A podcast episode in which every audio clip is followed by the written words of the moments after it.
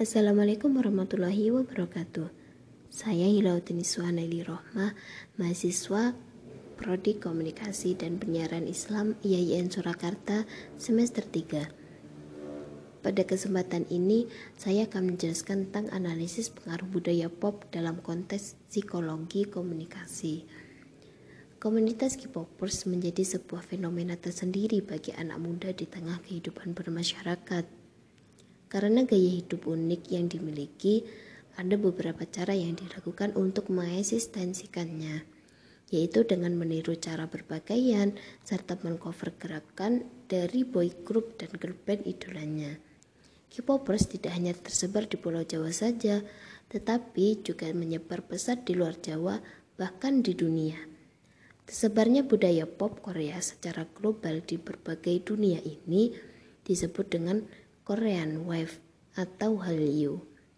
Sekitar pada tahun 1990-an, Hallyu mulai muncul dan umumnya memicu banyak orang di negara-negara itu untuk mempelajari bahasa Korea dan budaya Korea. Secara umum, budaya Korea merupakan budaya ringan, menyenangkan, trendy, banyak disukai, dan cepat berganti.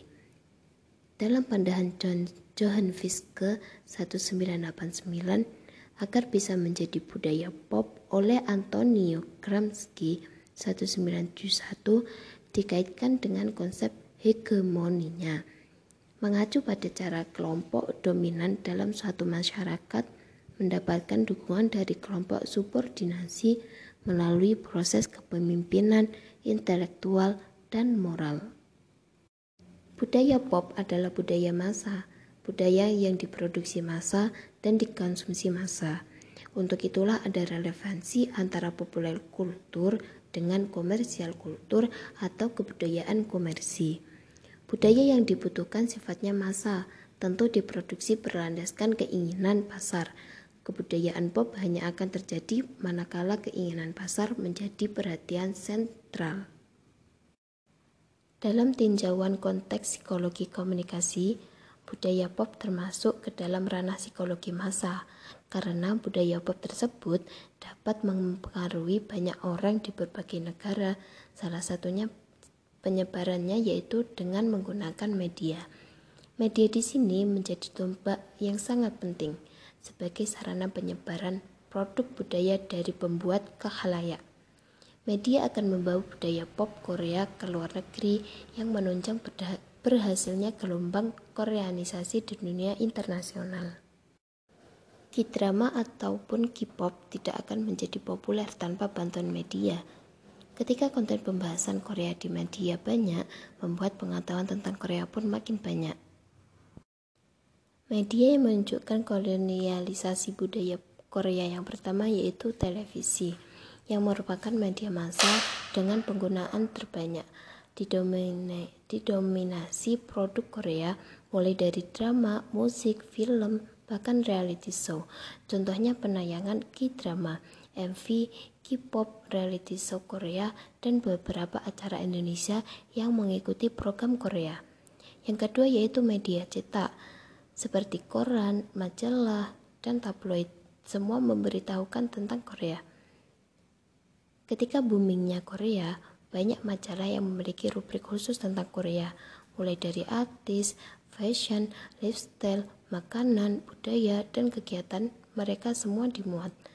Seperti tabloid dan yang gaul dan top idol. Yang ketiga yaitu internet. Hal ini dikarenakan tidak semua drama dan film serta musik Korea yang ditampilkan di televisi sehingga untuk tetap menikmati produk budaya pop di budaya pop Korea di internet menjadi salah satu jalan kidrama yang belum ditayangkan di televisi dapat dicari dan dinikmati melalui web streaming atau di-download. Globalisasi memang tidak dapat dihindari. Dengan demikian, kolonialisasi dengan gaya baru perlu disikapi dengan baik. Negara yang memiliki masyarakat di dalamnya dapat memberi respon yang berbeda-beda terhadap serangan budaya tergantung individu sendiri. Ketika budaya dan masyarakat dapat mengimbangi gempuran budaya luar, budaya lokal tidak akan tergerus. ada beberapa respon terhadap kolonialisasi budaya Korea. Yang pertama yaitu produk budaya Korea diterima oleh cover oleh para pecinta budaya pop Korea, bahkan malah menyebarluaskan tren Korea. Sebagaimana budaya penggemar baik melalui cover lagu, dance, parodi drama, cerita fiksi, dan lain sebagainya. Penerimaan budaya pop Korea yang seperti ini yang membawa kekhawatiran akan dilupakannya budaya masyarakat lokal. Diikutinya budaya Korea ini biasa dilakukan bagi para penggemar. Bahkan para penggemar sampai pada tahap konsumsi dan perubahan referensi seperti membeli aksesoris yang ada dalam kidrama dan menyukai makanan, fashion ala Korea, yang kedua yaitu dilakukan penguatan budaya, kolonialisasi budaya yang berdampak banyak terdapat di kehidupan masyarakat yang mendapat banyak respon baik positif dan negatif. Budaya populer dan media secara berkala diidentifikasikan sebagai sumber soft power. Secara khusus budaya populer Korea digunakan sebagai kekuatan untuk mendorong produk budaya dan menaikkan perekonomian negara Indonesia. Hal ini terjadi karena acara televisi di Indonesia cenderung tergerus media global, sehingga tayangan televisinya sering menayangkan produk asing dibanding dalam negeri. Tren tayangan K-drama sedikit banyak memberi pengaruh terhadap masyarakat.